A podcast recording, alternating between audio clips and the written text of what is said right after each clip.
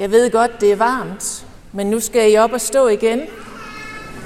Og det her skete jo også i de varme lande, hvor vi hører om evangeliet fra julenat. For det skete i de dage, at der udgik en befaling fra kejser Augustus om at holde folketælling i hele verden. Det var den første folketælling, mens Quirinius var stadholder i Syrien. Og alle drog hen for at lade sig indskrive hver til sin by. Også Josef drog op fra byen Nazareth i Galilea til Judæa, til Davids by, som hedder Bethlehem. Fordi han var af Davids hus og slægt, for at lade sig indskrive sammen med Maria, sin forlovede, som ventede et barn. Og mens de var der, kom tiden, da hun skulle føde.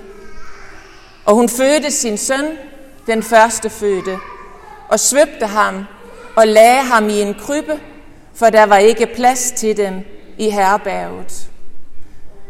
I den samme egen var der hyrder, som lå ude på marken og holdt nattevagt over deres jord. Der stod Herrens engel for dem, og Herrens herlighed strålede om dem, og de blev grebet af stor frygt. Men englen sagde til dem, frygt ikke, se, jeg forkynder jer en stor glæde, som skal være for hele folket. I dag er der født jer en frelser i Davids by. Han er Kristus, Herren. Og dette er tegnet, I får. I skal finde et barn, som er svøbt og ligger i en krybbe. Og med et var der sammen med englen en himmelsk herskare, som lovpriste Gud og sang. Ære være Gud i det højeste og på jorden. Fred til alle mennesker med Guds velbehag. Amen. Og værsgo og sidde.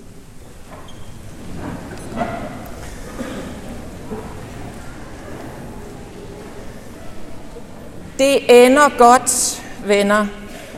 Det sagde vi dengang i 80'erne og 90'erne, måske også starten af nullerne. Alt var ligesom lettere og sjovere dengang, og der var ingenting, som rigtig for alvor var skidt. Da jeg gik i gymnasiet, for eksempel, der synes vi, at Gorm, han var en held. Det var en af de kloge drenge. Mat Fyser var han. Det betyder matematisk, fysisk, for de af jer, der ikke er så gamle som mig. For han var ligeglad med, om han bestod sine eksamener. Han var intelligent, og han skulle nok klare sig. Og da han så dumpede, så sagde han, at det var fordi, han havde tabt sin skoletaske. Og så var han cool, synes vi. På universitetet, der skrev vi specialer om oplysningen og den tidlige romantik og videnskabelige gennembrud over verden, for det var dengang, vi vidste, at den menneskelige intelligens kan, hvad den vil. Og hvor det største spørgsmål af alle, det er, hvor har vi det dog fra? Hvordan kan alle bedrifter i verden udspringe fra så lille et punkt, som den menneskelige forstand og fornuft? Så vi læste filosofen Immanuel Kant, for det var hans vigtigste spørgsmål. Han var godt nok tæt på umulig at forstå, men det gjorde ikke så meget. Det gjorde bare, at vi havde mere tillid til ham, og også til os selv, for hvor var vi kloge. Se bare, sagde vi, og pegede ud i verden. Der gik hul i ozonlaget, men så ændrede de kloge noget ved gasser i spraydåser og køleskaber, så lukkede hullet sig igen. Der kom fred på Balkan og i Nordirland. Muren faldt. Jakob Havgård kom i Folketinget. Mandela blev præsident, og vi er jo ikke så længere bange for kommunisme og tungsind og kriser. Vi planlagde højskole og efterskoleophold og to-tre fjummer og helst. Og så en rejse til Guatemala. Og Thomas Helmi sang på engelsk. Og da min veninde fra Esbjerg ringede til et bookingkontor, og det var ham, Thomas, der tog telefonen, så svarede hun kægt, hvis du er Thomas Helmi, så er det Sanne Salomonsen her. Alt var ligesom lettere og sjovere dengang, og der var ikke rigtig noget som var for alvor skidt. De ting, jeg lige har nævnt i hurtig rækkefølge, dem har jeg plukket fra første kapitel af Christian Bennikes bog fra i år 23. En gang troede vi på fremtiden underforstået, det gør vi ikke mere. Nej, det gør vi ikke. For som Thijs Ørntoft siger, verden er blevet en femdøgns prognose. Så er der en pandemi, så er der inflation, så er der hedebølge, så er der en storm på kongressen i USA, et isbjerg, der knækker af på Sydpolen, Putin i Ukraine, satellitfotos af koncentrationslejre i Kina og terrorkrig mellem Israel og Hamas. Så hvem våger nu at sige, det ender godt?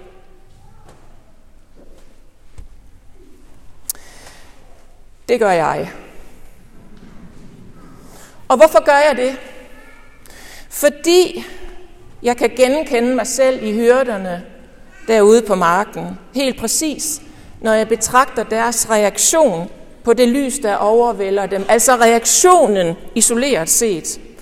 For så får jeg tanken, sig mig, har jeg ikke set det her før hos mennesker, jeg har mødt på min vej? Sig mig, har jeg ikke set det her før hos mig selv? Og hvad er det, jeg genkender og ser? Jo, det er ubehaget ved at blive overvældet af et lys, der afslører, at jeg egentlig elsker mit mørke. Hyrderne var jo ikke bange for mørket. Er det ikke underligt? De var bange for lyset. Sådan var det ikke, da jeg var barn. Så det, jeg ser og genkender, det er ubehaget ved at blive stanset af et julebudskab, der bryder ind i mit liv som en tyv om natten, uden samtykke. Et julebudskab, som kommer som en invasion ind i verden. Hørte vi det i teksten? En invasion. Så det ubehag, jeg ser hos hyrderne og hos mig selv, det er et ubehag ved den Gud, der siger, jeg giver ikke æren til nogen anden, og du skal være min. Jeg elsker dig, og jeg kalder dig til at elske mig tilbage. Yder mere, min ven. Så siger jeg dig sandheden. Det er mig, du har ventet på hele dit liv. Men fra nu af skal det for dig handle om, at du skal lære mig at kende, for jeg siger dig også, den, der følger mig, skal aldrig vandre i mørket, men have livets lys, for at sætte trumf på. Alt, hvad der ikke er oplyst af mig, det er mørke. Det er julens budskab. Og jeg siger, og det gør vi alle sammen, undskyld mig et øjeblik, hvem er du? Og så kan jeg mærke den måske mest invaderende og tyngende og alarmerende følelse af alle. Den følelse af, at det kunne måske være sandt. Og hvis der er noget, der er værre end det, så er det måske den bevidsthed, som vi også får, som jeg også får, om at hvis det er sandt, så er min selvstændighedsdage talte. Så kan jeg miste råderetten over mit eget liv. Jeg kan miste retten til at stole på mig selv mere, end jeg stoler på Gud. For så tilhører jeg ikke længere mig selv. Og det er voldsom tale. Men prøv lige at lege med den tanke, at den voldsomhed er også det, der gør julebudskabet attraktivt, når man ser på, hvilke begivenheder og tilstande i verden, som det skal matche. Der skal mere til end en god Morten Kok julefilm. Og måske kan jeg lige indkapsle det her, eller komme øh, hen til det, ved at fortælle noget, jeg har oplevet som fængselspræst. Det var en ung mand, som jeg mødte for nogle år siden i fængslet. Måske 20-21 år. Han er typen, der altid har et smil på munden. I kender godt dem, der lige meget, hvordan det ser ud, så ser de altid glade ud. Sådan en var han. Det var ligesom hans ansigtsfolder fra naturen. Men han har fået en ret lang dom, altså ret lang. Og langsomt, så begyndte han at isolere sig. Han kom ikke så tit ud på gårdture. Vagterne fortalte, at de havde sværere og sværere ved at tale med ham. Han ville ikke snakke med dem. Og så begyndte jeg at besøge ham på cellen. Den eneste, han talte med, det var mig og hans mor, som kom en gang imellem. Han valgte det, man kalder frivillig isolation i fængslet. Jeg sad typisk inde ved ham en times tid ad gangen. Vi talte om alt muligt, og så en dag så spurgte jeg ham, hvordan han mente eller oplevede, at det påvirkede ham at sidde isoleret. Er du ikke bange for at blive gak i låget, sagde jeg til ham. Og så svarede han, jeg har altid godt kunne lide at være alene, og her, der kan jeg rendyrke det. Du kan godt se, jeg behøver ikke at forholde mig til noget som helst. Jeg har ingen telefon, der er ingen, der ringer til mig eller skriver til mig. Jeg har ikke noget arbejde, jeg har ikke en husleje. Ingenting. Ikke engang andre mennesker, der forstyrrer mig. Og når jeg kan lære at nyde det, og nu kommer det, jeg ikke kan glemme, at han sagde, så har fængslet mistet sin magt over mig. De har sat mig i isolation. Den værst tænkelige situation for et menneske, tror de. Det er det, jeg mener med at elske mørket. Nogle gange så lå han under dynen med ansigtet ind mod væggen, når jeg kom ind til ham. Andre dage sad han op og ventede på mig. Han vidste godt, hvornår jeg kom. Det var sådan cirka samme tid, der en gang om ugen. Og på de dage, hvor han sad og ventede på mig, der så jeg noget andet også i hans ansigt. Fordi når jeg skulle til at afslutte samtalen, og sagde, Nå, du, øh, det var rigtig dejligt at snakke med dig, så kunne jeg se, hvordan hans mund lukkede sig omkring alt det, han ikke fik sagt, og alt det, han måtte holde tilbage. Så tog han fjernbetjeningen og vendte tilbage til sin isolation.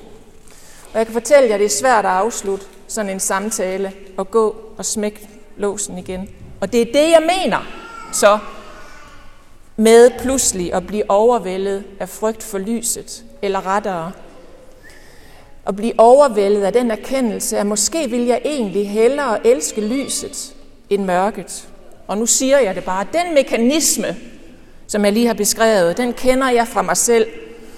Og jeg våger den påstand, at I kender den fra jer selv. Vi håber, og vi drømmer, og vi arbejder på det liv, som vi ønsker os. Og så begynder drømmene at briste, eller i hvert fald, der sker ting, så gør, at vi må nedjustere dem. Vi har alligevel ikke den krop, der gør, at vi kan blive professionelle sportsudøvere. Vi gifter os anden gang og lærer at elske den, vi får, ikke den, vi egentlig drømte om. Eller vi slår os til tåls med en faglig karriere, der er mulig, selvom vi godt ved, at vi har potentiale til noget mere. Og det er bare eksempler, jeg giver her. Og så rejser vi os. Og så gør vi et. Nej, nej, nej, I skal blive siddende.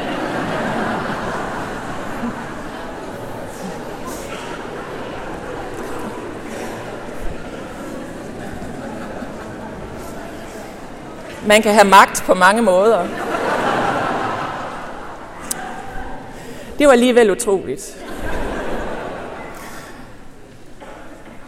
Nå, men altså i livet, så rejser vi os fra de skuffelser, der kommer over os, og så gør vi et af to ting. Enten accepterer vi det, vi ikke kan gøre noget ved, og så lærer vi at elske det, der er muligt, som jeg lige har beskrevet. Eller også, så følger vi Christian Benniges anbefaling. Det er ham med bogen om, at der var en gang, vi troede på fremtiden. For han siger, se på Taylor Swift. Gør ligesom hende. Hun tog kampen op imod mørket. Hun resignerede ikke og slog sig ikke til tåls. For da der var en mand, som forgreb sig på hende, så tog hun sagen i retten og vandt imod ham. I kan se dokumentaren på Netflix, hvis I vil det. Og i samme hug, så bekendte hun politisk kulør og venner, det er noget, som hverken Mick Jagger eller Michael Jordan har turet, fordi alle ved, at det koster kunder i butikken popularitet og omsætning. Sådan, girlfriend. Det var det, hun gjorde, tog kampen op, hun blev aktivist. Og dog, så siger det kristne menneske og jeg, at fælles for den, der slår sig til tåls, og den, der tager kampen op som Taylor Swift, det er følgende. At ligesom hyrderne på marken, så er vi ramt af frygt for lyset. Og de hyrder, det er os. Det er dig, og det er mig. Vi frygter det sande lys, som bryder igennem, venner og oplyser os. Altså det lys, som afslører i os, at der findes en Gud, og det er ikke mig. Eller sagt på en anden måde, vi bliver ramt af frygt, når Guds lys bryder igennem, og det bliver tydeligt for os, at vi hellere vil stole på os selv, end at stole på en anden, mere præcis den eneste anden, som har autoritet og mandat til at sige, alt hvad der ikke er oplyst af mig, det er mørke, og det gælder også dig, min ven. Og det var så den negative formulering. For Jesus, det er jo ham, som jo er lyset. Han siger det positivt, når han siger, at den, der følger mig, skal aldrig vandre i mørket, men have livets lys. Tænk, og det er min afsluttende bemærkning, og tilhøre en, der kun er lys, i hvem der ikke er skyggen af mørke. Det er det voldsomme budskab, det befriende budskab ved julen. For der er der jo ikke noget at frygte. Der kan det kun ende godt, selv for den mindste kriger i denne verden. Amen. Lad os bede fader vor sammen. Fader vor, du som er i himlene, helliget vorte dit navn, komme dit rige. Ske din vilje som i himlen, således også på jorden.